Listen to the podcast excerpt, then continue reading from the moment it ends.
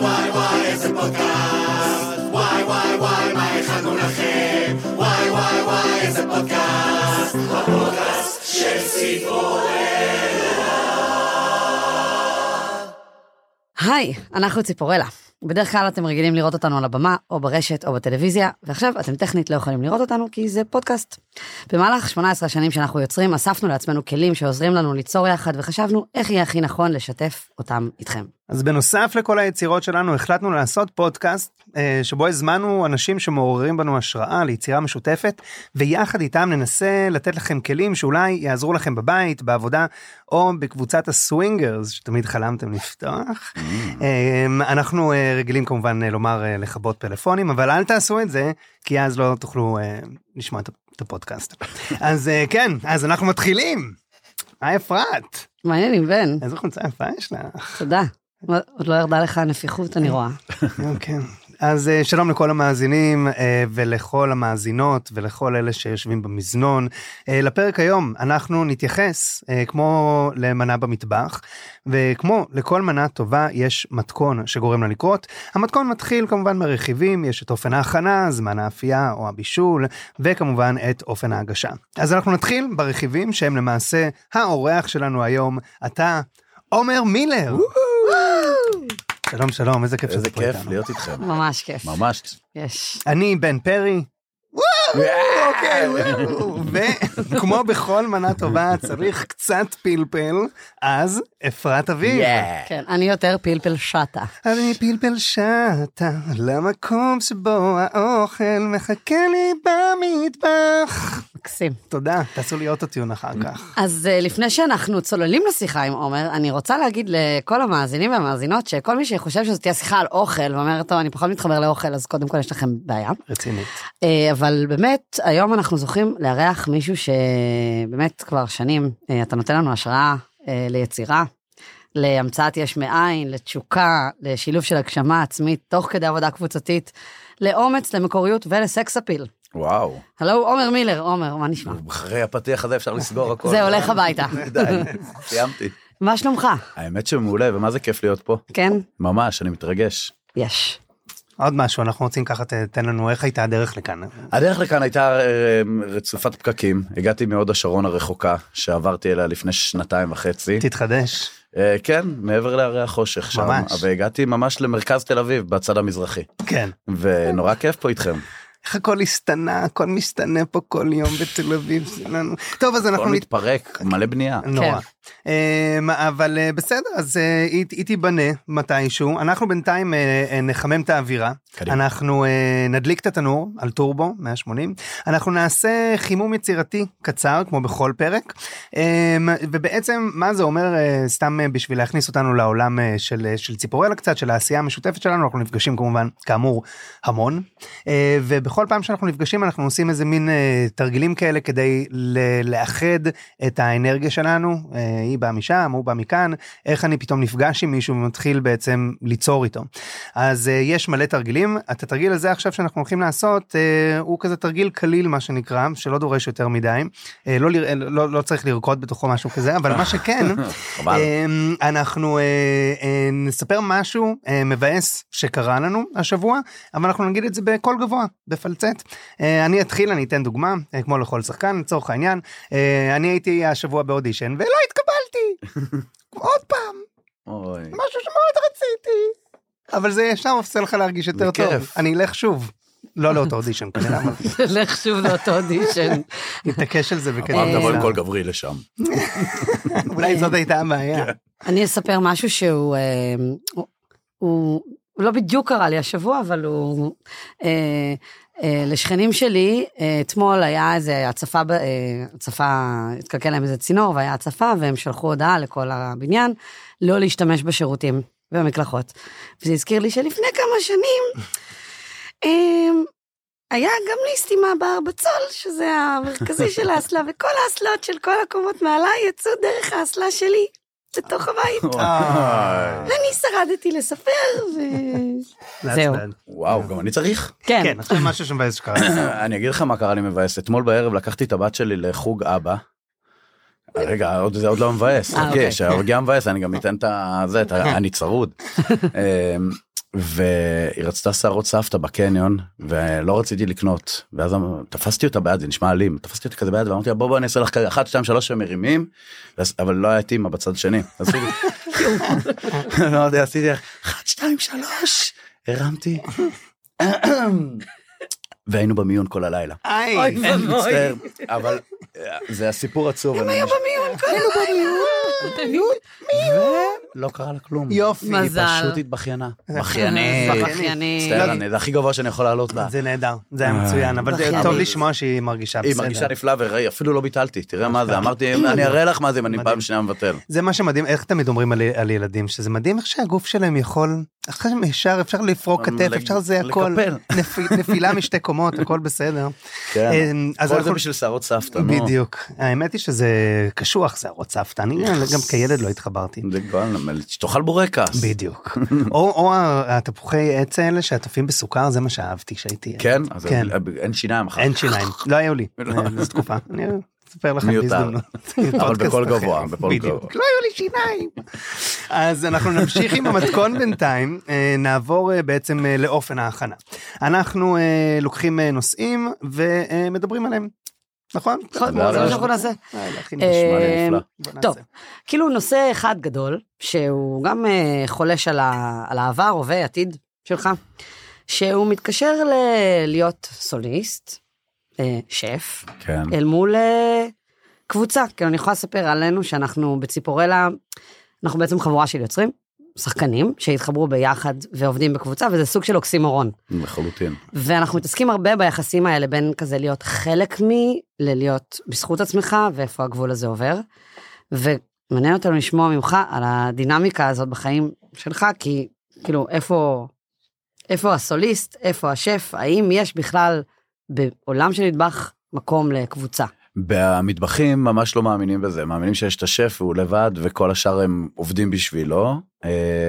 בכל פעם שהתנהלתי בשיטה הזאת גם נכשלתי בעסקים, כי זה לא עובד פשוט, אתה חייב עבודת צוות, גם אם אתה נותן את הטון. אה, ולקח לי הרבה זמן להבין את זה, ונכשלתי בהרבה עסקים עד שהבנתי את הדבר הזה. אה, ואחר כך לקחתי גם את התובנה הזאת לחיים האמיתיים, כי במשך עשר שנים הייתי נשוי לשירן, עדיין נשוי לשירן, אבל הייתי סוליסט גם בקשר, כאילו אמרתי. העבודה מקום ראשון ושום דבר לא מעניין אותי ולא מעניין אותי ולא מעניין אותי. אה, עד שזה גרם לפיצוץ בינינו, אני לא רוצה עכשיו לקחת את הפודקאסט הזה לכיוונים עצובים, אבל כאילו זה ככה לפיצוץ בינינו, עד שהבנתי שגם בחיים אני חייב כאילו להבין, אתה לא לבד פה, אתה חייב לשתף פעולה. ואני מודה שהיום אני ממש נהנה מהדבר הזה, כאילו היצירה שלי טובה יותר, הזוגיות שלי טובה יותר, כאילו יש משהו, לא משנה כמה אתה חש את עצמך, לשתף פעולה ולהבין שיש מולך מישהו ולהכיל אותו, שעושה לי היום מדהים בחיים. במטבח איך זה עובד בעצם לשתף פעולה? לשתף פעולה זה להציע רעיונות גם לצוות שלך, אה, אלה מנות, אה, לתת להם לטעום את המנות שחשבת, אתה מבין, אתה עדיין מוביל את הקו, אבל אתה Mm. נותן להם להחליט ביחד איתך, אה, ב- ב- באיפה להעמיד כל טבח, ב- ב- בסדר, במטבח, ב- ב- בעבודת צוות פשוט, זה בסוף במטבח, קצת כמו בציפורלה, יש לנו איזה ריקוד בלרינות כזה, אתה צועק מה אתה צריך, הוא עונה לך, בלי תקשורת טובה ו... ודינמיקה נכונה זה פשוט אה, סרוויס קורס. מדהים. ומה עושים כשנגיד אתה לא שם? כאילו יש גם להפוך אנשים, יש לשתף איתם פעולה, לצורך העניין כמו שאמרת שאתם לג- נמצאים. לגדל את מי שמתחתיך. וכן. כאילו להפוך אותם לחלק מהרעיון שלך כשאתה כבר לצורך העניין רשת. זה באמת חלק נורא נורא קשה ואתה בכל מקום בכל אחד מהסניפים שהיו לי דאגתי לגדל מישהו שהוא שיש לו שיש לו את היכולת לשלוט בצוות לנהל את הצוות ועדיין שוב בדינמיקה נכונה ונעימה כי כל הצעקות האלה במטבחים אף פעם לא דיברו אליי לפחות לא מאז שאני בן 20. אמ, זה לא פשוט כאילו אני לא אשקר פה זה לא פשוט להשאיר את העסק שלך את ה baby שלך בידיים של מישהו אחר כן. זה ממש לא קל אבל זה אבל זה חלק מהתהליך של התבגרות שאתה בסוף מבין שזה או זה או קריסה טוטאלית של הכל. כן. תגיד, אבל ה- כשאתה, לצורך העניין האומן, השף שיש לו פתאום בלילה איזה זה, ואני אשים מזה, ואני אכניס את זה, ואני כאילו מייצר את המנה, את האומנות של זה. נגיד, אני חושב בהקשר שלי כשחקן, שאתה אומר, אוקיי, וכאן אני צריך להיות גם כל הזמן המפיק של עצמי, אני צריך כזה לקדם את הדבר הזה, אני צריך כל הזמן, זה כאילו כל הזמן יש את ה... זה מאוד דומה בעצם, כאילו, ל, ל, זה, זה פתאום נשמע לי כזה, הש, אתה בעצם כל הזמן גם ה, המפיק. אתה מפיק של הכל אתה עורך של הכל אתה, זה זה זה הופעה שלמה שהיא תלויה בך. אה, אני חושב שאגב העבודה שלכם היא הרבה יותר מסובכת כי אתם כל אחד יש לו את הרעיונות שלו וכל אחד רוצה להופיע איתם הרעיונות שלו אני לא יודע מה הדינמיקה ביניכם אבל בסוף אתה צריך להופיע עם קטע שמישהו אחר כתב ואחרי זה הוא צריך להופיע עם קטע שלך. אצלי במסעדה זה לא קרה תמיד כן, זה היה המנות אתה שלי. עושה את הקאט. אני מקסימום כן. יכול לתת להם לבחור בין שתי מנות אבל אין להם אוקיי. הם לא מכניסים מנות משלהם אז אני חושב שאצלי זה קצת היה יותר פשוט אבל אה, כן זו עבודה תובענית ל- להוציא את הכל לפועל בסוף זה קשוח ברמות קשוח. ואני לא. מתגעגע לזה. לא מתגעגע. וואו אין בי טיפת געגוע. יש כאילו חיבור, אה, נגיד אצלנו גילינו, עם השנים, בהתחלה התחלנו רק הקבוצה של המייסדים, ועם השנים גדלנו ונהיינו חברה ונהיינו שכירים, גם שחקנים שכירים, גם כזה כן. אה, סאונדמנים, אה, תאורנים, מפיקות. וגילינו שהקטע, זה לא בדיוק חברות, אבל זה לייצר חברות, כאילו, זה, אצלנו זה גם חברות, אבל זה לא הרעיון, הרעיון הוא יותר לייצר חוויות משותפות. נגיד, אנחנו היינו אה, אה, הולכים לרקוד היפ-הופ ביחד, או משחקים כדורסל, או יוצאים לנופש כזה של יומיים, או דרינק, דברים שקשורים ל... לא לעבודה, זה דברים שגם כזה אתה... עשינו את זה עושה. עשינו את זה המון אה, במסעדות היינו הולכים לימי כיף. פעם. למסעדות של יריבים. לטנף על היריב. לא היינו הולכים לאיזה יקב להשתכר ביחד או באמת אפילו לעשות פעילות שלא קשורה בכלל לעולם האוכל אם זה לרקוד ביחד או אם זה ללכת לאיזה מסיבה או איזה הרצאה של שלא קשורה לחיים שלנו ליום יום. כי זיכרונות אה, משותפים הופכים אותך לצוות אה, כן. הרבה יותר מגובש יש כן. לך תחומי עניין פתאום שלא גיל- לא ידעת על הטבחים שלך פתאום אתה מגלה בן אדם שהוא וואו הוא ארכיטקט בכלל ו... וזה מרתק. אה, אנחנו... וזה עצוב שהוא ארכיטקט סתם. לא יש אבל זה מדהים כי זה. זה מקצוע כזה קצת זה- כמו משחק של מין כזה אתה פתאום מגלה איזה מישהו שכזה חתך מהכל והלך המון, לי, כן. שלו. היה לי המון המון כן. המון טבחים שהם באמת היו עורכי דין או ארכיטקטים או רואי חשבון עם תחומי עניין עשירים פשוט זנחו את הכל או עזבו את הכל ועשו הסבה פתאום בגיל 35 40 והם רוצים להיות אנשי סרוויס הם רוצים את הכוויות. על הידיים הם רוצים את ה... אני עשיתי את התהליך ההפוך ברחתי מזה בגיל 40 אבל אה, אבל אני, זה, זה היה כיף לי דווקא לגלות כאילו זה אני מבין את, את, ה- את המחשבה למה זה עצוב פה נהיה לך עבודה טובה בידיים מה באת לדרק על זה. אבל הם מגשימים לא, זה לא אבל באמת עצוב, אבל אני מגשימים שחלומות חלום. זה הדבר, כן. הוא זה- מגשים חלום כאילו כן. והוא הולך עם זה עד הסוף וזה ב- בשוק הישראלי עוד של המטבחים זה דרק ענקי באמת שזה דרק ומישהו שעדיין נלחם לעשות את זה זה מרגש אותי.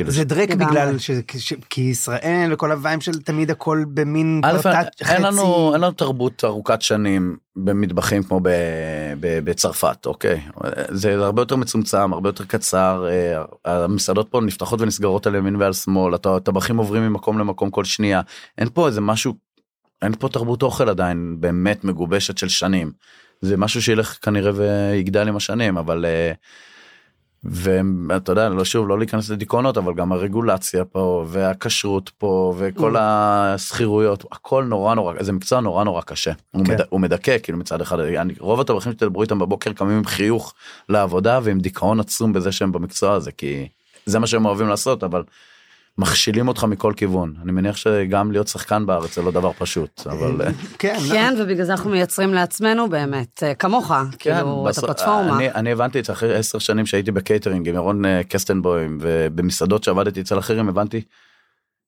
שאני נורא נורא אוהב את המקצוע הזה אבל אני לא יכול שמישהו יקבע לי כל, כל הזמן מה לעשות אני רוצה להגשים את החלומות שלי כן. ואני מתחיל ליצור לבד אז פתחתי רשת של המבורגרים ורשת של פיצות ורשת של טוסטים הלך סבבה. הלך טיל, הלך טיל, ואני נורא מאמין בזה אגב, כאילו בסוף הרשת של ההמבורגרים זה הייתה ההשקעה הכלכלית הכי הכי קטנה בחיים שלי שעשה. לי הכי הרבה כסף, כאילו ביום הראשון שפתחנו היה שם תור במשך שנתיים, כאילו, וזה לא עצר.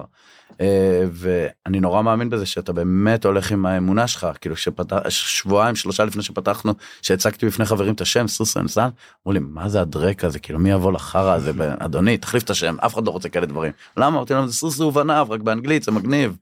ולא הבינו ואני זוכר שהיום שפתחנו ב-12 בצהריים ביום שני בדצמבר 2016 וזה פשוט כאילו אני, לא- עד היום אני לא יודע להסביר את זה זה התפוצץ כן, כן, ובמשך היינו שנתיים. במשך שנתיים. הגיעו אנשים כן. אה, עמדו בתור עד שמכרתי את הרשת גם כי מיציתי את החלום הזה. יש לי שאלה שעלתה לי ממה שאמרת. הקשר או המרחק אצלך בין רעיון, שאתה אומר, אוקיי, יש לי את הרעיון הזה, לבין ההוצאה שלו לפועל. כאילו, מבחינת, איך אתה יודע על איזה רעיון ללכת, הקשר לאינטואיציה? כי זה כן היו מהלכים. זה היה מהלכים, אה, הם התגבשו נורא מהר אגב, אה, היה לי תמיד בדיחה שהרעיונות הכי טובים היו מגיעים לי בחתול והכלב או בברקפסט באיזה ארבע בבוקר שהייתי אומר לשות- לשותף שלי לעתיד כוס רומא יש לי רעיון. וככה זה היה מגיע תמיד עם המשפט הזה וככה זה נפתח באמת סבא. ו- וזה היה בא מכלום למאה כזה? כן זה הייתי אומר לו וואי תשמע אנחנו חייבים לפתוח רשת המבורגרים אמריקאית. ככה זה היה. והוא אמר לי אוקיי איך נקרא? לה אמרתי לו סוסו. מה זאת אומרת איך נקרא לה? קראנו אחד לשני סוסו אז נקרא לה סוסו. אז אמר לי יאללה סוסו ובניו אבל באנגלית ושבועיים שלושה עובדים על זה מציגים את הרעיון אחרי זה למישהו לוקחים את הדוכן המסריח הזה ברוטשילד שעלה אלף שקל בחודש משהו כזה ו- וככה התחלנו כאילו. אין לנו הרבה זמן לגבש כי אנחנו כי אנחנו גם אנשים חסרי סבלנות לפחות היינו אוקיי. אז הכל זה נורא מהיר כאילו יש את הרעיון עושים איזה סיור מוחין בין שנינו היינו שותפים שהקימו את כל העסקים ביחד. אה, ו- וזהו וזה לא אבל לא אין לי רעיונות שאני יכול להגיד היום זה קורה אגב אבל אז אין רעיונות שנמשכו לאורך שנים שאמרתי עד שאני מיישם אותם או לא יש את הרעיון בארבע בבוקר בשש בבוקר כבר ישיבת צוות. זה מאוד דומה להרבה מהדברים שאנחנו עושים של פתאום אנחנו יושבים במערכונים הטובים יותר או הסרטונים שאנחנו עושים זה מין נכון. כזה איזה משהו שישבנו ואז אנחנו מנסים למצוא איזה יום צילום שיוכל להתקיים תוך יום יומיים ואז אנחנו מציינים את זה זה יוצא וזה בום. וזה נכון. בום וזה תמיד זה- גם הדברים הכי נכונים כן. היום אני עובד בצורה קצת יותר שקולה לטוב ולרע כאילו יש את הספר הספר התחלנו לכתוב אותו לפני שנה ויצרנו וחשבנו וגם עד ש... זה לא הרבה זמן להוציא לא, ספר וגם, בשנה. זה רק התהליך של הכתיבה. ועוד היה איזה שנה וחצי לפני זה שחשבתי כן לעשות ספר, לא לעשות ספר, כן, כל דבר עם שיקולים אחרים, אולי הילדים יעשו את זה עוד קצת יותר איטי וכבד, אבל אה, בסוף הספר הוא בשבילם גם, אבל אה, בתקופה ההיא לא, זה היה מחשבות של ארבע בבוקר וחייבים לעשות אותם, וכמו בדיחה, אתה חייב שהיא תהיה עכשיו, כי עוד שנה לא יודע אם תהיה מצחיקה כן. כבר, אז כן. רצינו אני עכשיו. חושבת גם אם זה קשור לצוות, סתם, כי אני יודעת שיש הרבה אנשים שיש להם רעיונות טובים, שהם נשארים באיזה מגירה. אתה יודע, רוב האנשים יש להם רעיונות, הרבה רעיונות טובים, ואתה כזה לא עושה את זה. אני יודעת שאצלנו, אולי התוקף של הקבוצה עוזר קצת לדחוף אחד את השני. אה, לא יודעת איך זה- זה זה אצלך. לכאן ולכאן. כאילו אם זה משהו אישיותי או זה משהו שאפשר כזה להתאמן עליו. אני, א', את ה-go to action הזה. כמאמן אני יכול להגיד שאפשר להתאמן על הדבר הזה כאילו ואין דבר עצוב מאשר חלומות במגירה איך דודו טסה אמר כן. אז אין כאילו הכי כאילו אני אני בעד עדיף לעשות כישלון מפואר. לחלוטין כן. אני בעד הכישלונות האלה ואתה אתה צומח מהם וזה קל לדבר. בדיעבד אבל באמת כאילו גם חוויתי כישלונות עשיתי דברים שוואלה לא הצליחו מה לעשות כאילו ו... אני בסוף נורא מאמין שיוצר ולא משנה אם הוא טבח אם הוא שחקן אם הוא זמר יש לך רעיון טוב טוס עליו. טוס ותגשים אותו. תיקח לידך את האנשים הכי טובים שיעזרו לך להגשים את החלומות. זה לא אומר שאתה מוותר על, אה, על חלק מהאיכות או על התוכן אתה רק לקחת אותם כדי שיש משהו מרגש אפילו שמישהו עוזר לך להגשים חלום. כן. אמ, ואצלכם זה באמת דינמיקה מעולה וזה כיף שזה קורה ככה זה באותה מידה גם יכול להתפוצץ.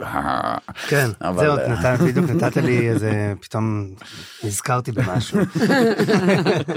לא, אבל גם אצלנו זה, זה, זה גם לשני הצדדים, זה גם רעיונות כאלה שאו שאתה עכשיו מקבל את, את האנרגיה הזאת, שאגב, כאילו הרוח של המפרשים ואתה טס איתה קדימה, והרבה פעמים זה גם הברקסים, ה- כאילו הרגע שנייה לא, כן, שמישהו פשוט יכול אולי להגיד לך, זה לא מצחיק, זה לא מספיק, זה- עשו את זה. אז, כן.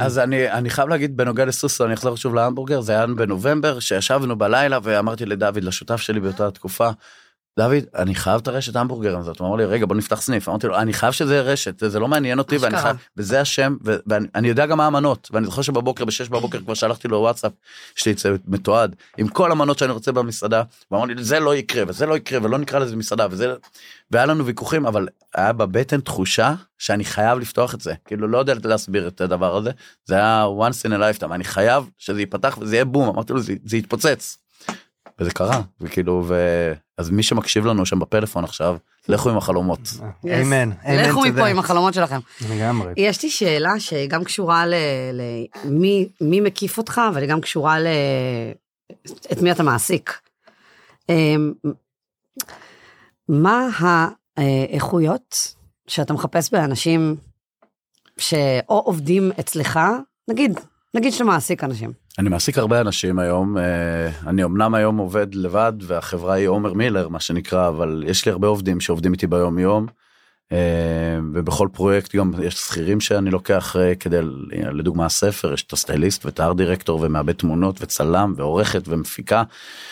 זה מלא עובדים שאני מחפש בעיקר. זה נשמע עכשיו קלישאה אבל אני לא מחפש יסמנים ממש ממש לא. אני מחפש אנשים שמעוררים בהשראה שכיף לי אם הם יתקשרו אליי בארבע בבוקר ויגידו עומר תשמע יש לי vision לספר. כאילו זה ירגש אותי. כן. כאילו אני ממש לא מחפש מישהו שאני אגיד לו מה לעשות וזה מה שהוא עושה כמו חייל. אני כן מצפה לשיתוף פעולה אבל אני באמת מחפש את ההשראה הזאת. ואני מגלה שבאנשים האלה שאתה מעסיק אם יש להם את ההשראה הזאת כל פרויקט שלך יוצא טוב יותר. ואני לא רוצה להחמיא לעצמי אבל זה סוג של התבגרות שלקח לי המון זמן להבין את זה שזה שמישהו נתן לך רעיון או נתן לך אפילו רק. קצה חוט לחשוב על משהו אחרת.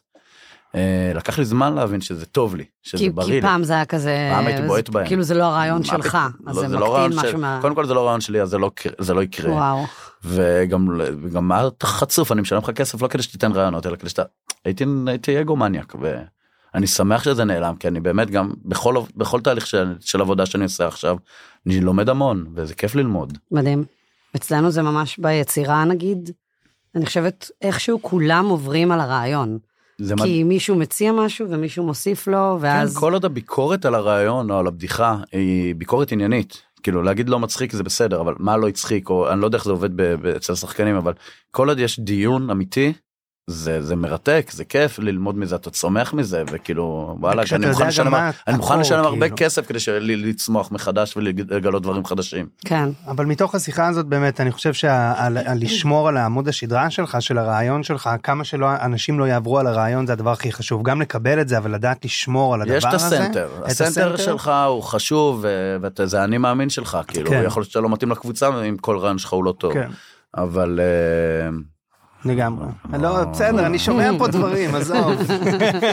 אמ, בוא נפתח קבוצה מתחרה. כן, זהו. אה, תשאר אחרי זה, תשאר אחר כך כמה דקות, זה תודה. דואו. אוקיי, אוקיי, רק לדייק לכם. דואלינגו. אמ, אנחנו רוצים אה, לעבור לשלב הבא. אמ, אנחנו אה, נשמיע איזה שיר שנמצא איתי בעצם אה, מאז שהייתי ילד, אה, ועשה אותי רעב. וואו. כן, אין מה לעשות. אה, כמובן, השף אה, של בת הים הקטנה, אתה יודע, אתה לא יכול שלא להסתכל על זה ולרצות גם קצת אה, מה שנקרא... אה, to chef. to chef around. זה בכלל קורה לי עם אוכל, נגיד אה, במרקו, כל הלבצוע לחם. הלחם של מרקו זה אגדה. זה כאילו כל המצוירים האלה שעשו לך חשק לאכול. אז אני רוצה להגיד אה, רגע, באמת לקחת שנייה ולהגיד תודה.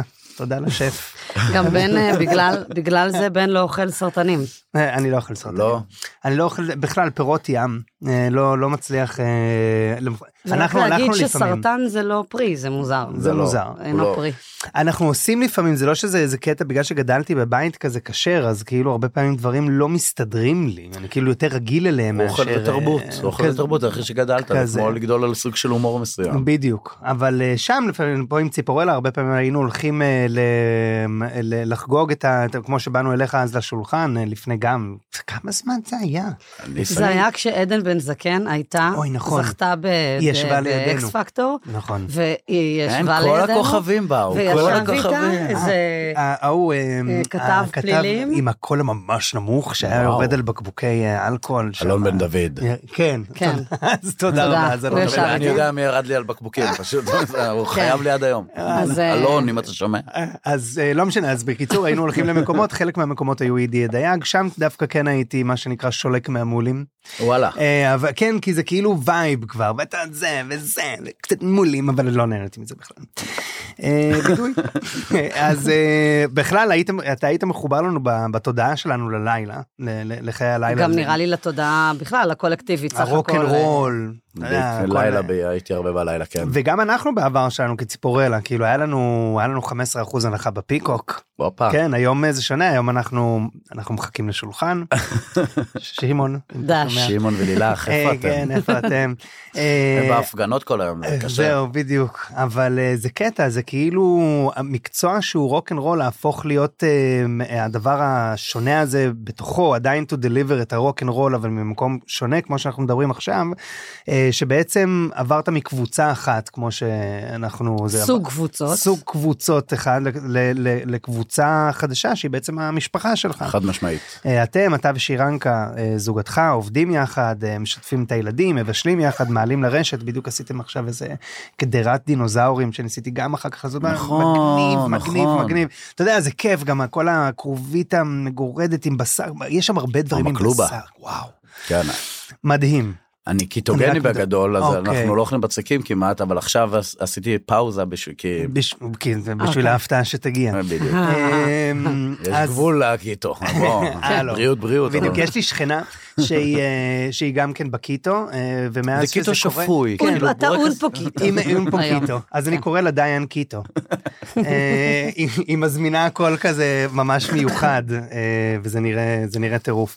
אז בעצם איך בונים נגיד שיתוף פעולה בין הילדים, זאת אומרת עם הילדים, כאילו, איך עושים קבוצה משפחה? הערכים שאתה מרגיש שהם מרוויחים מהעשייה הזאת שלך.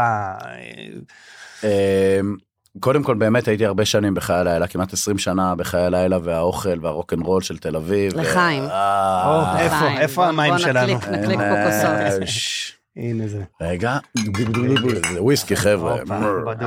רגע. אה, אה, מגרגרת עם אוקיי. הוויסקי. אז זהו, אבל הפכתי להיות קלישאתי כי אני כבר שנתיים וחצי לא נוגע באלכוהול בכלל, ועזבתי את הכל, והילדים נולדו. עשינו שלושה ילדים בשנה. היה סגר. סליחה שאני... היה סגר. היה סגר, שעמום טוטאלי, נולדו תאומים, ופתאום ארבעה חודשים אחרי זה שרן אומרת תשמע, אני חושבת שאני בהיריון. אמרתי, איך יכול להיות? והייתה בהיריון, והגיעה לוסי. אה, אז אה, יש לנו אה, שני ילדים בני שלוש וילדה בת שנתיים. ואמרתי לשירן, וואו, כאילו, מה לי ולשטות הזאת? כאילו, אני, אני עד ארבע בבוקר ער, כאילו, לא בגלל בכי, בגלל שאני אוהב לבלות, ואיך אני הולך לעשות את זה, והדבר היחיד שאני יודע לעשות זה לבשל.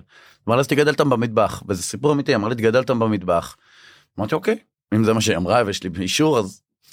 ואז התחיל באמת תהליך עמוק יותר, שהבנתי שאני לא רוצה יותר את חיי הלילה, ואני לא רוצה יותר ללכת לחופי ים, ולא בא לי יותר למכור המבורגרים לאף אחד. והתחלתי למכור את כל העסקים. והייתה קורונה, זה שיבש את המחירים שבניתי עליהם עוד כי אנשים פחדו, אבל מזלי עסקים היו טובים, אז הרווחתי מזה ולקחתי לי איזה שנת שבתון, שהפכה כבר מאז להיות שלוש שנים שאני בבית עם הילדים. וואו. וכשאתה נמצא המון זמן בבית עם הילדים, אתה הופך ליחידה אחת, כאילו הם ילדים שהיו בחינוך ביתי עד עכשיו, היא רק איתנו, והחינוך היה במטבח, פשוט קמים בבוקר, מצחצחים שיניים, הולכים לבשל עם אבא. קנינו כיסאות אה, מגדלי למידה כאלה, והם פשוט כל יום במשך שלוש שנים, שנתיים וחצי מהרגע שהם עמדו, איתי במטבח, מבשלים ביחד, יש כבר כללים, והבנתי, וזה עכשיו שיחה רצינית, הבנתי שזה גם הבישול, כאילו אין לי שום רצון שהם יהיו טבחים, ממש לא תברחו, רן, רן, זה רן, זה רן, גם רן, רן. שאלות שרצינו... אבל לא, אבל הבנתי שהם, שהם מקבלים מזה המון ולא פחות מזה אני מקבל מזה המון. פתאום יש לי זמן איכות עם הילדים שלי, שיחות מטורפות על החיים, והם אנשים מדהימים, הם נמוכים אמנם, אבל מדהימים, ו, ואני מלמד אותם המון, כאילו גם אם זה ברמת מוטוריקה וקשר אה, עין יד, ו, ו, ולהתרגש מדברים וללמוד תרבות, הנה היום אנחנו עושים דימסם שזה בכלל מסין, ואז אנחנו הולכים לגלובוס ובודקים איפה זה סין, כאילו אה, יש בוא אני מתרגש שאני מדבר על זה זה פתאום היה מדהים וכאילו הרגשתי שאשכרה אבא שלי היה איש חינוך היה מנהל בית ספר אמרתי בואנה הקמתי בית ספר משלי בית ספר במטבח וזה וזה מה שאני עושה היום בחיים מרגש. יש לי היום בסביבות 500 600 הורים שאנחנו מלווים באופן קבוע אני ושירן בבתים שלהם איך לשלב את הילדים במטבח. זה הפך להיות אה, עם, כאילו תכננו לעשות חיים שקטים ולהיות במ- במושב שלנו בשקט שלנו אבל אנחנו לא יודעים אז גם זה הפך להיות גדול. ויוצא ספר בנושא ותוכנית טלוויזיה עוד מעט שעולה בנושא הזה על שכל הרעיון הוא איך להנגיש את המטבח לילדים ולשלב אותם במטבח. בלי קשר לבישול הבישול הוא משני פה. כאילו זה באמת ללמד אותם כישורי חיים שפה ולעשות זמן משפחתי. אנשים שוכחים שזה דבר מאוד מאוד חשוב. אתה לא חייב כל היום להיות בבית אתה יכול להיות גם רבע שעה עם הילדים שלך אבל הרבע שעה הזאת שתהיה איכותית וממוקדת ובמטבח זה קורה יש שם איזה קסם שקורה אתה מבשל אז אתה יודע לא גם ב, גם בבמה נגיד עכשיו הייתה לנו אה, הופעה הבן הגדול שלי בן אה, 11 תכף ולראות אותו את ההתרגשות שלו סביב אה, אני זוכר את זה אבא שלי שף אה, אה, טורקי כל הפילס הטורקי זה, זה בא ממנו אני זוכר אותי מסתכל עליו במין אה, הערצה כזאת ולהיות הקשר שלי איתו הוא, הוא סביב לגמרי סביב זה. אה, ולראות היום את אילי או את גבריאל מגיעים לבמה ומרגישים את אותו הדבר שהם פתאום חלק מאיזה קסם שקורה. וזה רגע, רואים- דיברתם קודם על זיכרונות וחוויות בקבוצה זה זיכרונות וחוויות שילוו את הילדים שלך כל חייהם הם תמיד יזכרו שהם ראו את כן. אבא על הבמה והיו איתו על הבמה ולמדו מזה. הרבה יותר ממה שאתה מדמיין הם כאילו הם סופגים המון והם לומדים המון ומתרגשים שמשתפים אותם ילדים רוצים הם רוצים את היחס את הכבוד שמגיע להם כן. ואנחנו לפעמים שוכחים יותר קל לנו להגיד יאללה אני מתקתק איזה ארוחה אני או יש לי איזה הופעה ותשחררו אותי. אבל אם אתה משנה טיפה את הגישה הם גם רואים איפה האהבה שלך כי נגיד אני מכין בורקסים הרבה פעמים כן הם יכולים לשבת לידי להסתכל אני זוכר אותי עומד כמו שאמרתי ליד אבא שלי לראות את הידיים הגדולות שלו פותחות את הבצק ואת כל ההתעסקות הזאת סביב סביב המילואים הזה הטרד הסחיטות החצילים בתנור הריחות במטבח תבין כל איזה, הדברים איזה האלה. משמעות אדירה יש לילד שהוא רואה את אבא עושה משהו מגשים את עצמו כן. מגשים את החלומות דיברנו על חלומות הוא מגשים את עצמו מתמלא רגש מאיזה משהו שהוא ואם הוא יוצר חלק מזה. והוא, ואתה נותן לי להיכנס לתוך העולם שלך וואו זה מדהים בשביל הילדים זה לא באמת בגלל זה אני אומר גם הבישול פה הוא משני זה, זה לא משנה אתה יכול לעשות את זה גם אם אתה מוסכניק או אם אתה שחקן העיקר לשלב את הילדים בחיים ולשתף אותם. אני הילדים שלי רק בני שלוש אבל אני נורא נורא רוצה להיות יומרני ולהגיד להתנבא שזה ילווה אותם עוד הרבה שנים. אני רואה את התוצאות עם ילדים אחרים שאנחנו מלווים ועם הורים אחרים שאומרים בואנה זה השפיע לי על החיים עזוב את הילד לי זה השפיע פתאום אני מדבר עם הילדים לא דיברתי איתם. אחד- מדהים לא זה זה ו- מטורף. וואו. לא היית- או, או, ככה אומרים אצלנו במשפחה. לא. תבין, לא התאפקתי למשפט שלך. עוד פעם. עכשיו תספר. עוד אחד, עוד אחד, רגע. בוא בוא אני רואה אותו מסתכל שם בוא קח גם. תנעל מהר. יש גם חריף. אה הבאתי גם וואו. איראן. אני מכין איראן. בכל מקרה. אוקיי. וואו. שאתה, אגב, אני לא רוצה להיכנס לדמות המראיין פה, אבל התחלת בקורונה, חזרת, כן. הגעת לזה. נכון? בקורונה למעשה זה משהו שאבא שלי תמיד אה, אני ידעתי להכין את זה תמיד אבל בזכות אבא שלי אפרופו הוא- שהוא תמיד אה, אה, עודד אותי ללכת לכיוון של המקצוע שלי הוא רציתי הרבה להצטרף לעסקים שלו לאורך הזמן אתה יודע בתקופה של פתאום אין עבודה אין תפקידים יש פחות הצגות אומנות כל הדיבור הזה של אומנות. וזה הגיע אבל מאיזה מקום אמיתי שהיית במצוקה, כאילו ושם פחדת? הייתי במצוקה שם הייתי במצוקה אמיתית כל הדברים הכי טובים קורים. מה קורה מה אני עושה עם עצמי ואז זה היה ישר טלפון אבא תגיד אבל הבצק שאני מוסר לי, אותו זה נקרא לי. פחות אז ואז עכשיו הוא מדהים מבחינת איך שהוא גם הנחה אותי בתוך הדבר הזה וההערות שלו שוב הוא, הוא בן אדם אה, מאוד אה, אני הייתי מפחד אני ממנו. ראיתי את כאילו. הידיים באינסטגרם, כן, זה ידיים כן. של טבח. ידיים אה, בן אדם בן אדם רציני אז אה, אבל כן אני כן זוכר את ה... את, ה, את העוצמה הזאת שלו במטבח את, ה, את, ה, את הכוח אבל זה איתי עד היום מה אתה אומר תן פגז, פגז. פגז בא לי לפתוח איתך דוכן. מדהים, הנה, אני נכון? חוזר בשנייה, יאללה. זורק את כל העקרונות ופותח. הנה, go to action. אני אצא, לא למה אני אצא לעמוד בתור. בדוכן. זה נהדר אה, את- רצית- את גם אתה לקוחה מספר אחת שלי לדעתי זה נכון, אבל בחיים לא שילמתי. לא. זאת האמת. את לא, משלמת שילמתי ברעיונות בדרכים האלה. אחרים, בדיוק, אני נותנת אה, השראה. אה, אמרת קודם שיש כללים. כאילו שאתה עובד עם הילדים במטבח, מה הכללים? יש... אה, זה תיאוריה שלמה שבנינו כבר, או אסטרטגיה שלמה כאילו שבנינו. אתה לא רוצה, ל- אני יודעת לא. שיש בילדאפ גם לספר ולזה. לא, לא, לא, אין- אין- אין סודות בחיי. אז יאללה. גיליתי שברגע שילדים נכנסים למטבח לדוגמה הם מאבדים סבלנות בשניות הרבה יותר מהר מאבא שלהם. אז אני דואג להם למה שנקרא מעגל המעגל עבודה הנה זה המגש הזה שיש כאן את הבצק מוכן כבר ופה יש את התבלינים להכין עם זה סלסה מסוימת ופה יש ביצים לקלוף ואז על יד הביצים לקלוף כבר יש קערה קטנה לקליפות. כאילו יש שם כבר את כל התהליך למדתי שגם אתה לא צריך חייב לעשות איתם את המתכון מאלף ועד תף אני לא חייב להכין איתם עכשיו את הבצק ולפתוח כי אז כבר לא יהיה להם כוח למילוי. מהמם. אני בוחר חלק היום אנחנו מכינים בצק מחר אנחנו מכינים לבילוי ואני משלים אותם אני עושה הילדים היום הילדים בגן כי התחלתי לעבוד מסביב לשעון אז אין לי זמן לגידול ביתי וחלאס אבל אה, ויתרתי על הכל אבל אה, מכרת את העסק. של הגידול הביתי. כאילו תכננתי את יודעת לגדל אותם ולכל אבל זה- התפשט ואנחנו נוסעים בהרבה מקומות להרבה מקומות בארץ אה, ללמד ילדים והורים.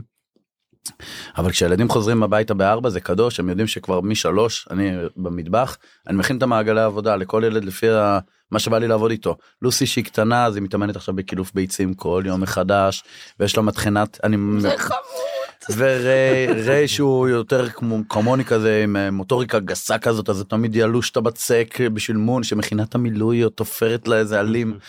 כל אתה גם ילד זוכה ככה לראות את ה- את אני- האיכויות, את הפורטה של כל ילד. כל ילד כן. והפורטה שלו ו... וגם אני נותן להם להתאמן על דברים שבא לי לחזק לא כאילו לא רק לחזק את החוזקות בטח. מה שנקרא אלא כן. גם לחזק אותם בדברים שהם פחות טובים בהם או פחות או יותר נרתעים מהם. אה, זה עובד גם המון על ויסות חושי ריי נגיד נורא נגעל בלגעת בבשר כזה זה בכוונה אז פעם אחת זה בשר של עוף ופעם אחת בשר אה, הוא חזר יום אחד מהגן ואמר לי אבא אני רוצה ברווז. אמרתי לו מאיפה למה מה קרה Savage baby. מאיפה זה הגיע הוא אומר סיפרו לנו בגן שיש גם ברווזים שאוכלים. אמרתי זה הילד שלי ו- וכאילו אז אז לאט לאט אני מלמד אותו לגעת ביותר לגעת יותר בדברים הריריים האלה. כן יש משהו שהם לא אוכלים שמעצבן אותך רק דבר אחד זה מה- כי יש נגיד הם באמת אוכלים הכל. הכל. כן, אבל מההתחלה נגיד לא היה איזה משהו של זה לא? לא אנחנו נורא מאמינים בחשיפה אנחנו כל יום שמים להם את האוכל על השולחן ניתן את הירק הכי קלישאתי מסרטים אמריקאים את הברוקולי לדוגמה אז כל ערב היה ברוקולי על השולחן לא מעניין אותי עד שהם יאכלו. ולא מציעים. פשוט שמים. אני לא מציע אני לא מציע שום אתה דבר. יש משהו שלא אוכל? לא, אני לא אוכל אפרסמון למה? כי זה דבר דוחה. בבקשה בוא תרחיב על זה. אבל אה, תרד על הפר... אפשר רוסט על אפרסמון לא, רגע? לגמרי לא תשמעי זה, זה הכל גרעינים ועושה כאבי בטן מסיבים גרעינים. בטח שיש את הקטנים. המגעילים האלה. לא מרגישים אותם. הב- הבטן מרגישה אוקיי. וכחולה קרון אני יכול כן. להגיד לך שהם השטן אוקיי. לא פחות. היטלר של הפירות. חברים, אם אנשים חיפשו הוכחה אלה אם יש אה, גן עדן וגיהנום, אז יש, יש. והאפרסמון הוא השטן. הוא השטן הוא בגיהנום לחלוטין. טוב ובואו אה, זה בואו אה, נעבור ל- לשלב הבא שלנו בעצם פרם פרם פם פם. היי, טו טו טו טו טו, שיחה פה על ריקוד יצירה קטן. קצת, כן, נכון? בוא נדבר קצת על איך יוצרים. קדימה.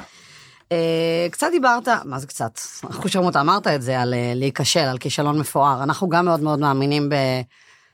להיכשל במאה אחוז, לפחות להתנסות בזה גם. חשוב. כי בוא נגיד שיוצר, אדם שהוא אה, פותח ברז ומצפה שיצא משם יהלומים, הוא קצת חי באילוז' וצריך לצאת קצת חרא מהברז הזה עד שיוצא לך איזה רעיון מבריק.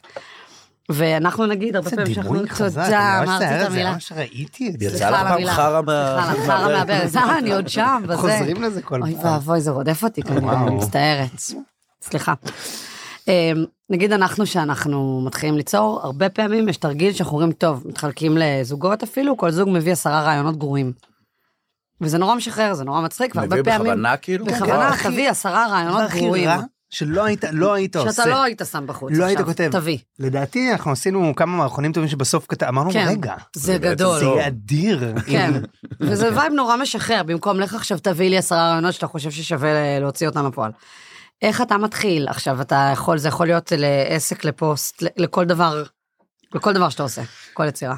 אמ, לא חשבתי על השיטה שלכם היא שיטה מעניינת אבל היא כנראה פחות מתאימה לי באופן אישי כי גם אין לי את כי אני מי- מבריק. לא כי אין לי את מי לשתף כן. כאילו אני בדרך כלל זה, זה מתגבש אצלי הרבה הרבה זמן כאילו את השעתיים עד שאני מחליט שזה רעיון אבל אמ, אני בעיקר יושב בלילות כאילו יושב בבית חושב ואומר ומנסה לחשוב מה תהיה התגובה כאילו שזה שזה משהו שלא חשבתי בעבר מה תהיה התגובה של מי שיקרא את מה שאני כותב או מה תהיה התגובה של אה, של מי שיראה את התוכנית שאני עושה או יקרא את הספר לא משנה מה. ו... ואיכשהו אני לא יודע להסביר את זה אבל גם אני רואה שהוא יורד על זה מהמם.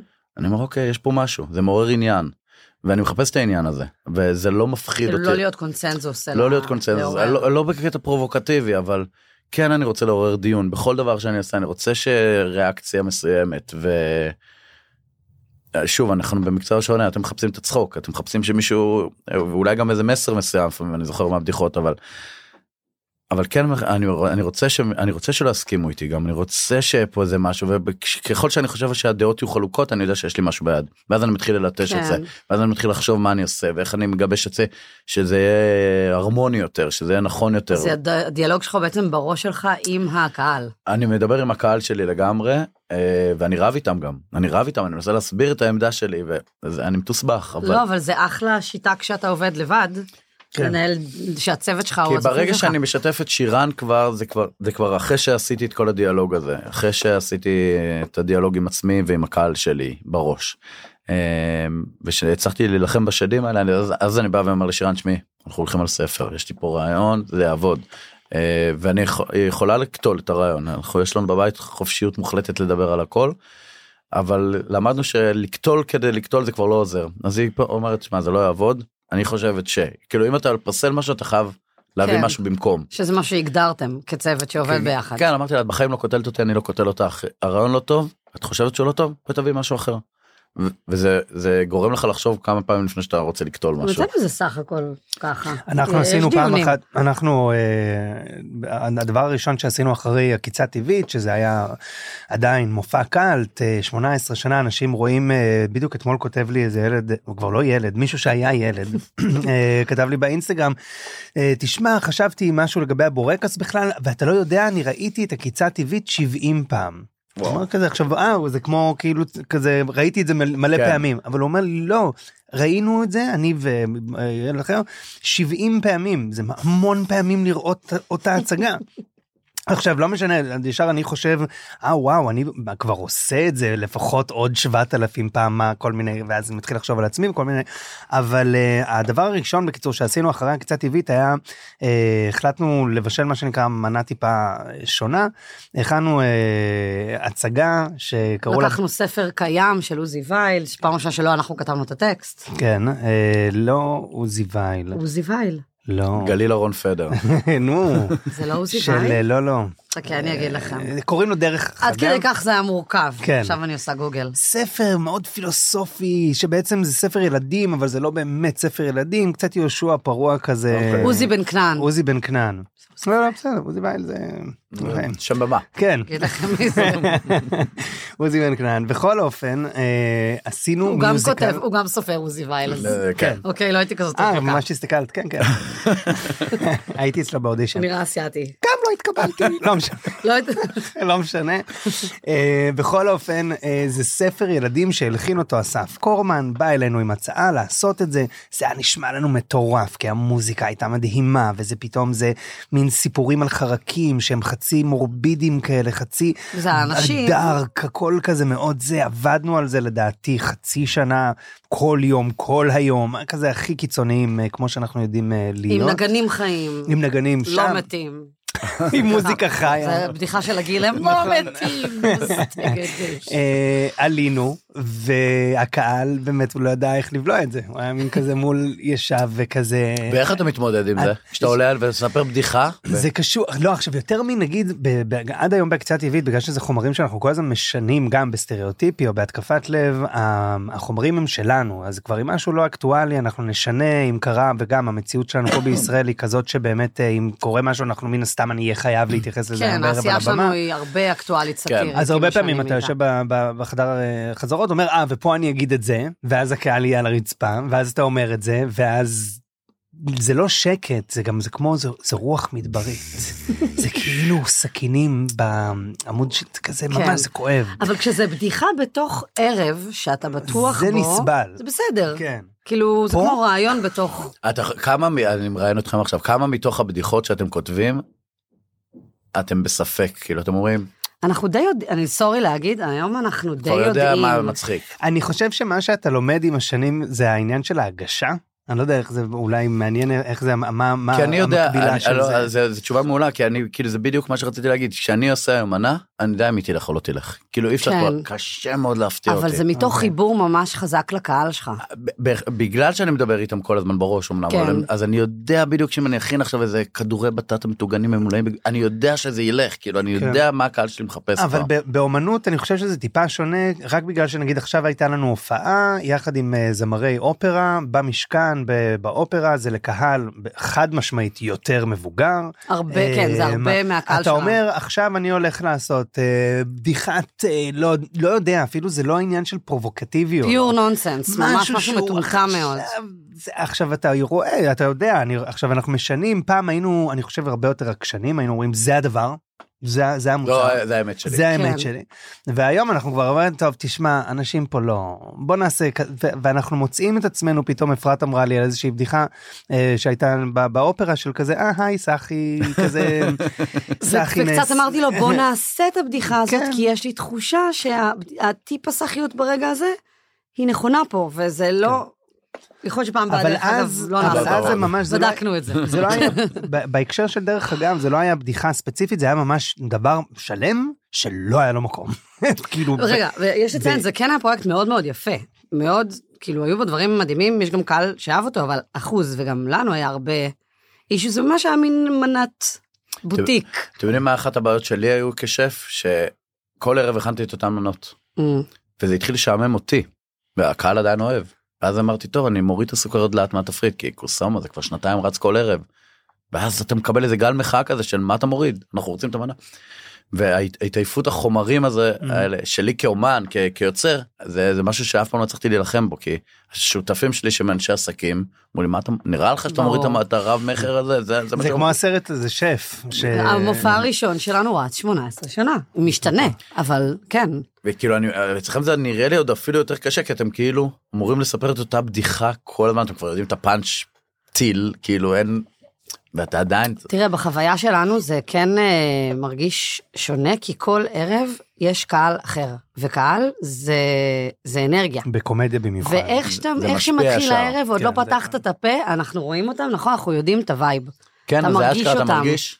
אתה מרגיש אותם, אתה גם יודע, אתה אומר, פה צריך לדחוף, פה צריך להרגיע, אתה. ממש מרגיש אותם, לפעמים אנחנו מדברים מאחורי הקלעים בינינו, אני בטוח. כי זה כמו אורח, זה עוד פרטנר אתם מארחים מישהו בדבר. אחר. כן. לגמרי. גם אזורים בארץ זה כזה אתה יודע מראש בירושלים שאתה תלך וזאת תהיה הצגה מושלמת אתה תדע את זה תשמע רק אותם בחוץ. פחות. רק בס- בסוף המופע הם יבואו לך תשמע זה היה הדבר הכי ואתה כזה איפה הייתם אבל כן, במהלך תמיד. המופע? מה היה? אה, כי לא היינו בטוחים אם אה, אם אתם איתנו או לא וממש זה משתנה אה, מאוד מאוד ממקום למקום. כמובן שבתל אביב יש איזו תחושה שכן תמיד אפשר קצת אה, to push the envelope כן. קצת כאילו משהו שם הוא יותר מאפשר את, ה, את הסכנה. אני רואה שאת רוצה להגיד משהו אפרת. אז איך אתה עושה, נגיד כשאתה מת, מתעייף ממנה, או מת- אתה יודע, ו...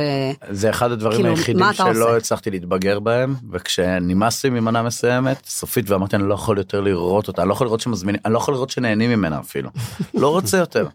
והייתי משנה מוריד. וזה- מוריד מוריד ועם השנים גם למדתי לדעת פיצוי טוב לתת פיצוי טוב במקום המנה האהובה אבל אפרס- אבל אני סוכריות אפרסמון. נניח כן אבל זה אבל זה אבל זה פגע בי זה פגע ב- בלקוחות כאילו כן. זה לא משהו שאני גאה בו כאילו יש רגעים שאתה אומר ללכת עם האמת שלך אבל לא פה כאילו פה כן. זה לא נכון ללכת איתה כי יש גם משהו עסקי ב- כ- כביזנס זה היה נכון להשאיר את המנה. אבל כ- כבן אדם לא יכולתי יותר לשאת את זה יותר כן. ואני חושב שזה חלק מהסיבות שבסוף עזבתי גם כי זה התיש אותי לעשות אותו דבר כל אני הזמן. חושבת שזה חשוב אבל. כאילו אני- גם לנו יש הרבה פעמים החלטות שנכון, יש פן עסקי, וכמובן הרבה פעמים הוא שיקול, זאת אומרת, הוא תמיד- שיקול, אבל יש את האמת האומנותית, כשאנחנו שמים משהו בחוץ, גם אנחנו יודעים שנגיד, אה, בקורונה, שהכל נסגר, אז עשינו תוכנית רשת, קראנו לה ציפוקליפסה עכשיו, אה, והיה כל כך הרבה חומר אקטואלי, שיצרנו אלינו, מה, 18 פרקים? 19 כן. פרקים, עשינו פרק כזה. ואז התחלנו לראות קומנטים, ולאט לאט, ככל שנהיינו יותר סאטירים, וה... וצברנו יותר צפיות, התחלנו לקבל גם יותר הודעות, כאילו יותר קומנטים של נאצה. עכשיו, כשראינו את זה, דווקא התגובה הייתה מעניינת, אמרנו, אה, יופי, אנחנו מגיעים לעוד קהל.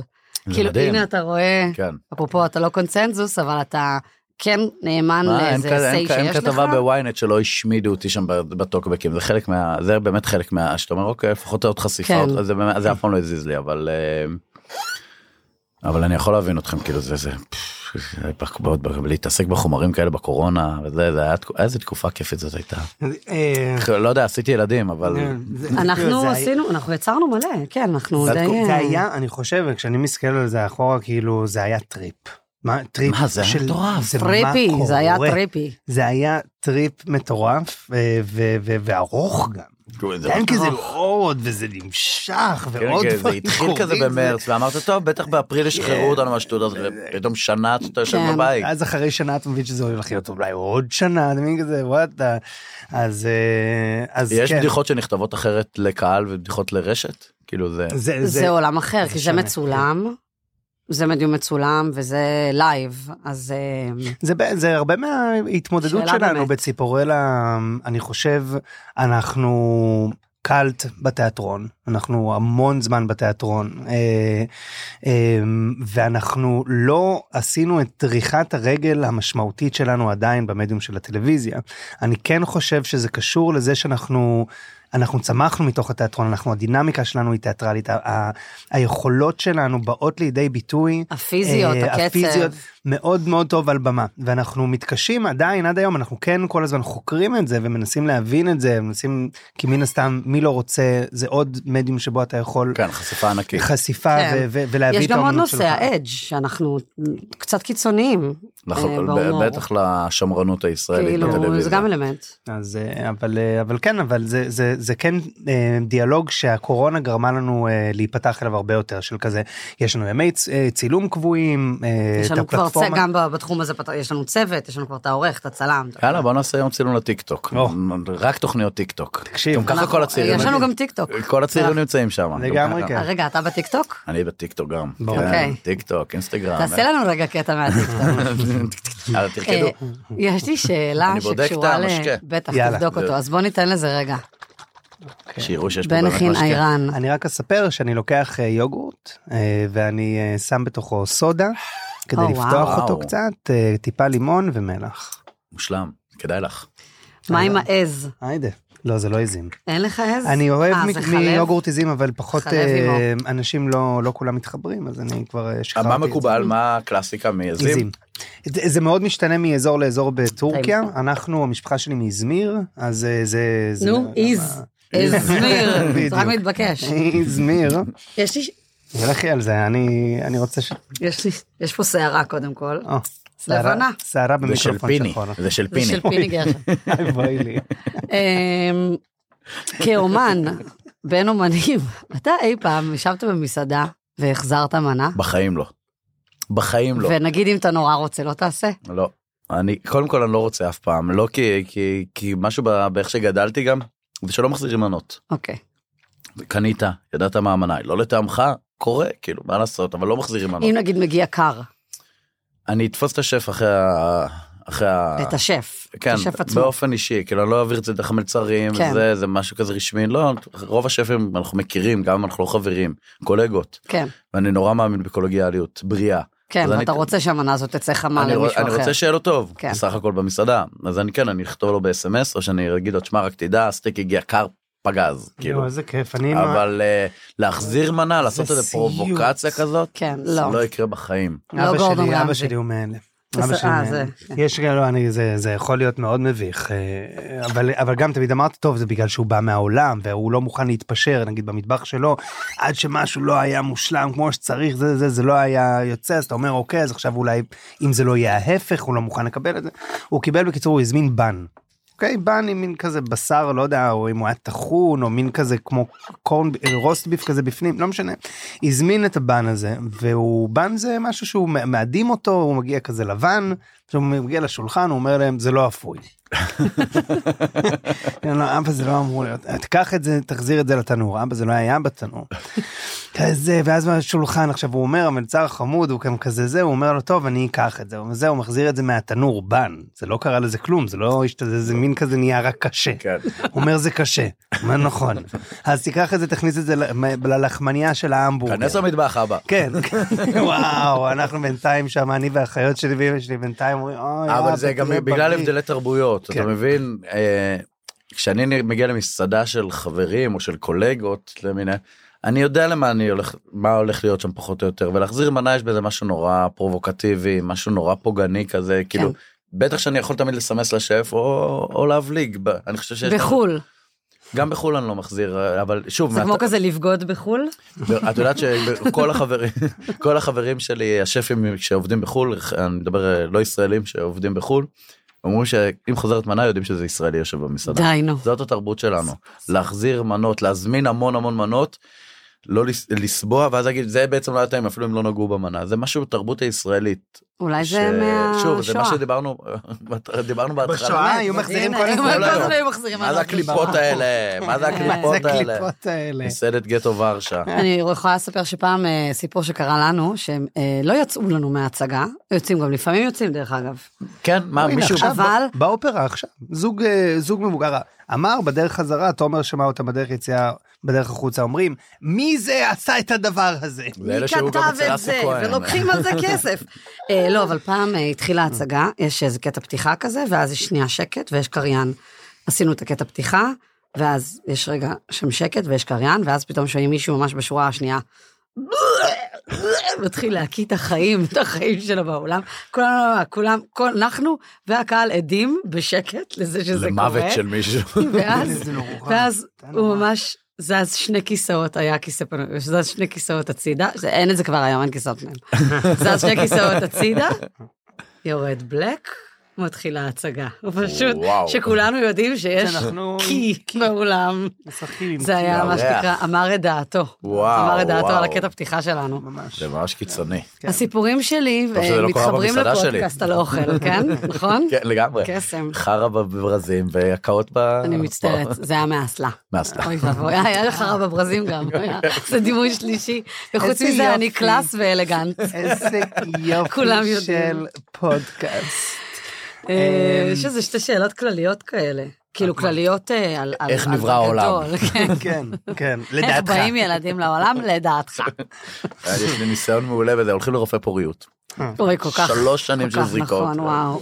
כן, שלוש שנים? שלוש שנים היינו בטיפולי פוריות, הזרקתי כל יום בטוסיק בבטן, בטוסיק בבטן. לא שאני רוצה להתלונן, כן, היא חטפה את הזריקות, אבל זה היה, וח, וחטפנו איזה שמונה החזרות ש... כפולות, כאילו כל פעם חזרנו זוג, זוג, זוג, זוג. אני, הפנטזיה שלי הייתה לעשות תאומים, וגם הייתי כבר בן 40, אמרתי, אני רוצה ילדים עכשיו, אין לי זמן. אז אמרתי לכל פעם, אתה יותר מחזיר פעמיים, אתה מחזיר פעמיים. וזה לא עבד, שמונה פעמים. ובפעם השמיעה התשיעית, כאילו, בום. ואז ארבעה חודשים אחרי זה. טוב, זו שיחה שלמה. ככה, שיחה חודשים ככה. ככה.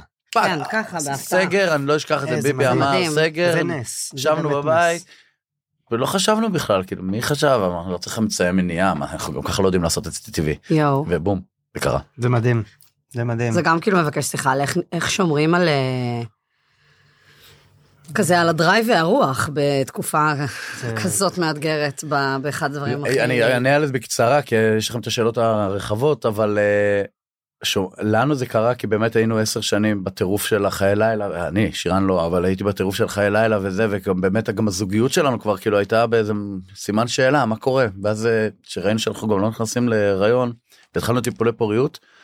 אומנם עדיין הייתי בטירוף של הקליפסו ושל סוסו אבל זה פעם ראשונה בחיים שסיימתי עבודה גם בסוסו שזה היה תורים מטורפים באתי הביתה עשיתי זריקה עשיתי עוד זריקה והפכנו לאט מחודש לחודש במשך שלוש שנים לצוות Mm. כאילו זה פעם ראשונה בזוגיות שלנו אז שהפכנו להיות מזל צוות באיזשהו אופן. כן זה כאילו שירן תמיד אומרת שבלי הטיפולי פוריות כנראה אם היינו נכנסים להיריון באופן טבעי כנראה היה כל היום מתפרק. מדהים. הטיפולי פוריות החזיקו אותנו ואז לנו זה בנה גם איזה תקווה כי כי לח- לקבל שמונה פעמים שלילי כזה זה לא פשוט. לא. לא, לא. זה מטורף. זה זה מחזק אפילו, זה נותן כזה, אה, כן, כן, נותן כן, לא. השראה. אמ, אנחנו אנחנו רוצים אה, אולי לעבור אה, ל- ל- לחלק הזה שבו אנחנו בעצם נכניס את המנה שלנו לתנור, או שאנחנו רוצים לשאול עוד משהו. אני רוצה משהו כללי לשאול. קלה לי. כאילו, נגיד, אם אני שואלת אותך, המטבח שלך, בגדול, מה הוא מספר עליך? על חלק ממה אתה, או מי אתה? וואו זה באמת בגד... בכללי. זה מאוד בגדול. אה, אני רוצה להאמין שהוא מטבח מאוד חברי. אה, מאוד אה, קריזיונר זה בדרך כלל מקונוטציה שלילית אז זה קפריזי כזה את יודעת שזז ממקום למקום. אה, ובעיקר בעיקר נורא נורא אוהב לארח כאילו אני חושב שבחרתי גם במקצוע הרבה יותר מאהבה לבישול כי נורא נורא אהבתי את הרעיון הזה שבאים אליי אנשים ואני יכול לשוחח איתם ולדבר איתם ולהגיש להם גם על הדרך כמה דברים טעימים. אני לא אכנס לקלישאות של מטבח ארץ ישראלי ושיט כזה כי זה תראה, משהו בקפריסי זה כבר אמרת, ישראלי. כן, כן אבל לא אבל אני, אני באמת אוהב לקחת מכל העולם ובעיקר אני רוצה ליצור בסוף חוויית אירוח מהממת כאילו בסוף מי שמגיע אליי היום שאני עושה סדנאות בבית בא לי לפני שטעים לו לא טעים לו שהוא ירגיש בנוח שהוא ירגיש את זה בן בית זה ממש ממש חשוב לי כ-DNA של עסק ושל, ושל מי שאני. ואני רוצה להאמין שזה המטבח שלי. יס. ואתה מביא אותו נגיד סתם עכשיו אני נזכרתי במשהו שלא שאלתי אותך וזה כן מעניין אותי בגלל שאני הרבה פעמים אה, יש את כל הדברים האלה בגן וכאלה שצריך להביא אוכל. וואו אני עושה את זה כל הזמן. אתה אז זה כאילו אבל שם אתה מתחכם או שיכול כאילו לבוא לך איזה חצי פיתה עם חומוס כזה אני, לילדים. אני אגיד לך מה אני לקחתי על עצמי אה, שראיתי את התפריט של הגן אני מקווה שהגננת לא מקשיבה אבל ראיתי את התפריט של הגן ודי נחרדתי כי זה כל יום היה נורא נורא גנרי כזה ואז אמרתי טוב אני גם ככה עובד מהבית אז כל יום שלישי אני מבשל בגן. כבר אה, כמעט. מ- מספטמבר כל שלישי. וזה התחיל אתה יודע בדברים קטנים כאלה היו כאלה נשיא קציצות ופתיתים אבל עם הזמן גם הילדים יש להם דרישות ואני מתחיל אני מוצא את עצמי מתפרע שם ומכין להם קוסקוס וסירי דוי ומרקים וקציצות כאלה ועוף בגריל הבאתי להם גריל כזה שהעוף מסתובב כדי ללמד אותם שהעוף לא מגיע. מהסופר אלא מהלול. ו- יש עוף בגריל בגן. כן. אז אז אתה זה- מעלה פה את המניות של הגן. אה, אתה- לא נגלה לכם איזה גן זה שלא תבואו לילדים. אבל כן. מדהים. אבל- אז אז אני משתדל לבשל אני כל שלישי עושה את זה ובימי שישי אנחנו מכינים כזה עוגיות בבית ביחד עם הילדים. כן, זה מה שהם עושים ביום יום שלהם הם עבדים קטנים ואנחנו הולכים איתם אה, זה מה שהם מביאים לחברים בגן למזלי זה גן ללא אלרגנים כולם שם אוכלים הכל גם אתם. חיות אדם כן גם אנחנו מדהים. אין לנו כאלה דברים. נהדר. עכשיו, עכשיו. אנחנו נעבור אה. לחלק אה, בעצם שבו אנחנו מכניסים את המנה שלנו לתנור, וזה אומר שאנחנו הולכים אה, לשאול כמה שאלות מהירות, מה מהירות, שנקרא. כי תנור זה חם, חם, חם, יאיר- לפיד סטייל. ונהייתי בדיוק, מזרחית, זה לא. PC, זה לא PC, פלפל שחור, עוגה כושית. אומרים עוגה אפרו-אמריקאית. אוקיי. אוקיי, אז אנחנו נשאל. אתה פשוט תענה מהר, ככה בשלוף. אה, יהיה לנו באזר? מי יהיה הבאזר? אני. אה, ואם לא, סחוג ליין. אוקיי. אתה מוכן? פרסמון כן. אה, מה השיעור הכי יפה שלמדת על החיים מהמטבח? אה, עבודת צוות. זיכרון קשה מהמטבח. וואו צרחות של השף. מה הגילטי פלז'ר שלך? שניצל מהמקרר. מה הכלי שאי אפשר בלעדיו במטבח? סכין. עם איזה כלי של מטבח היית נוסע לאי בודד? וואו אימא'לה פותחן אויסטרים לכו תדעו מה יש שם. מי מהחברים שלך הוא הכי כלי? מי מהחברים הכי כלי אה, אה, אני אבחר באשתי דווקא. אוקיי, בזט, למה? וואו היא הפרטנרית המושלמת לפשע. באיזה ירק אתה מאמין? מלפפון. אורגני או זה שטויות? שטויות. איזו קבוצת וואטסאפ שלך אתה הכי אוהב? וואי, אני מפחד לגלות. אה, זה נקרא פנימייה. אין בעיה. אם לא היית שף, מה היית? רקדן. סתם. הופה, אמרת את זה וזה הבז מה שנקרא, אז אין לך ברירה עכשיו. טוב, אז עכשיו באמת הגענו לשלב האחרון, תודה רבה, מחיאות כפיים. כל הכבוד. מאוד ענית מאוד. יפה. ענית מאוד מרשים. אה, כמעט מהיר. מלפפון לא, הפתיע היית אותי. מעולה. איך באיזה אה, ביטחון אמרת מלפפון. כן, זה כאילו... מאמין בו. אני נורא מת על אה, מלפפונים. הוא מדהים. הוא עושה אושר, נכון? הוא כזה, זה משהו זה ש... קראנצ'י, זה קראנצ'י. תמיד טוב. במקרר, גדל אותו בגינה. אני לא חושב כימית, אבל אמרו גם הוא מפזר איזשהו משהו, הוא עושה כן? אותך בן אדם מאושר.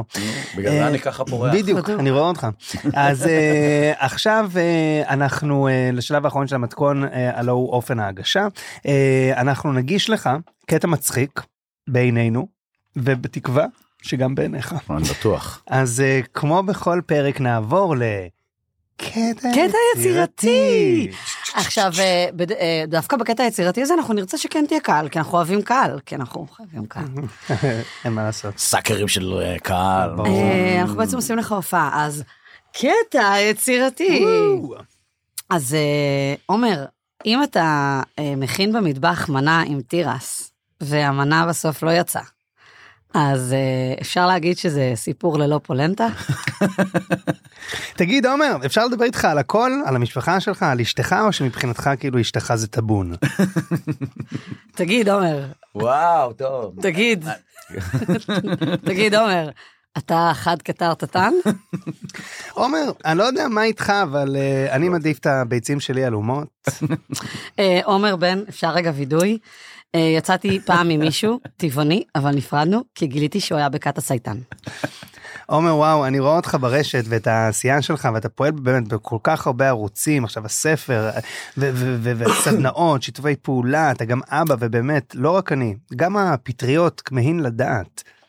איך אתה עושה את זה? אה, עומר, אתה יודע מה גילינו? יואב קיש היה בהופעה שלנו, ואני חשבתי שיואב קיש רזה, אבל יואב קיש בטטה. לא יואב קיש פטריות. טוב, די, די, די. אוקיי, די, די, נכון. די, די. אני רוצה להגיד למי שלא. יודע בבית אבל שאני אני אני שמח להיות פה בדבר הזה כי אני באמת אוהב את ציפורלה ואני אוהב את שניכם וכאילו זה שאתם עושים לי הופעה אישית זה סוג של הגשמת חלום מבחינתי באמת ולא בציניות. איזה כיף. תודה רבה. אז אה, ברצינות עכשיו, באמת, עומר, לפני שמסיימים, אתה חייב לטעום מאמנת ג'נבה. עד כאן הפרק שלנו להיום. אנחנו היינו ציפורלה, אני הייתי בן. אני הייתי אפרת. תודה עומר לעומר מילר. תודה. ש... ממש, ממש תודה על כל הדבר הזה. מה זה, הגשמתם תודה לי חלום. שהקשבתם והקשבתם לנו עד הלום, תודה ל-all in שנותנים בית לפודקאסט החמוד שלנו. אם אהבתם את הפודקאסט, שתפו אותו גם עם האויבים שלכם, וככה תעשו שלום. הופה. יאללה ביי. ביי. ביי ביי.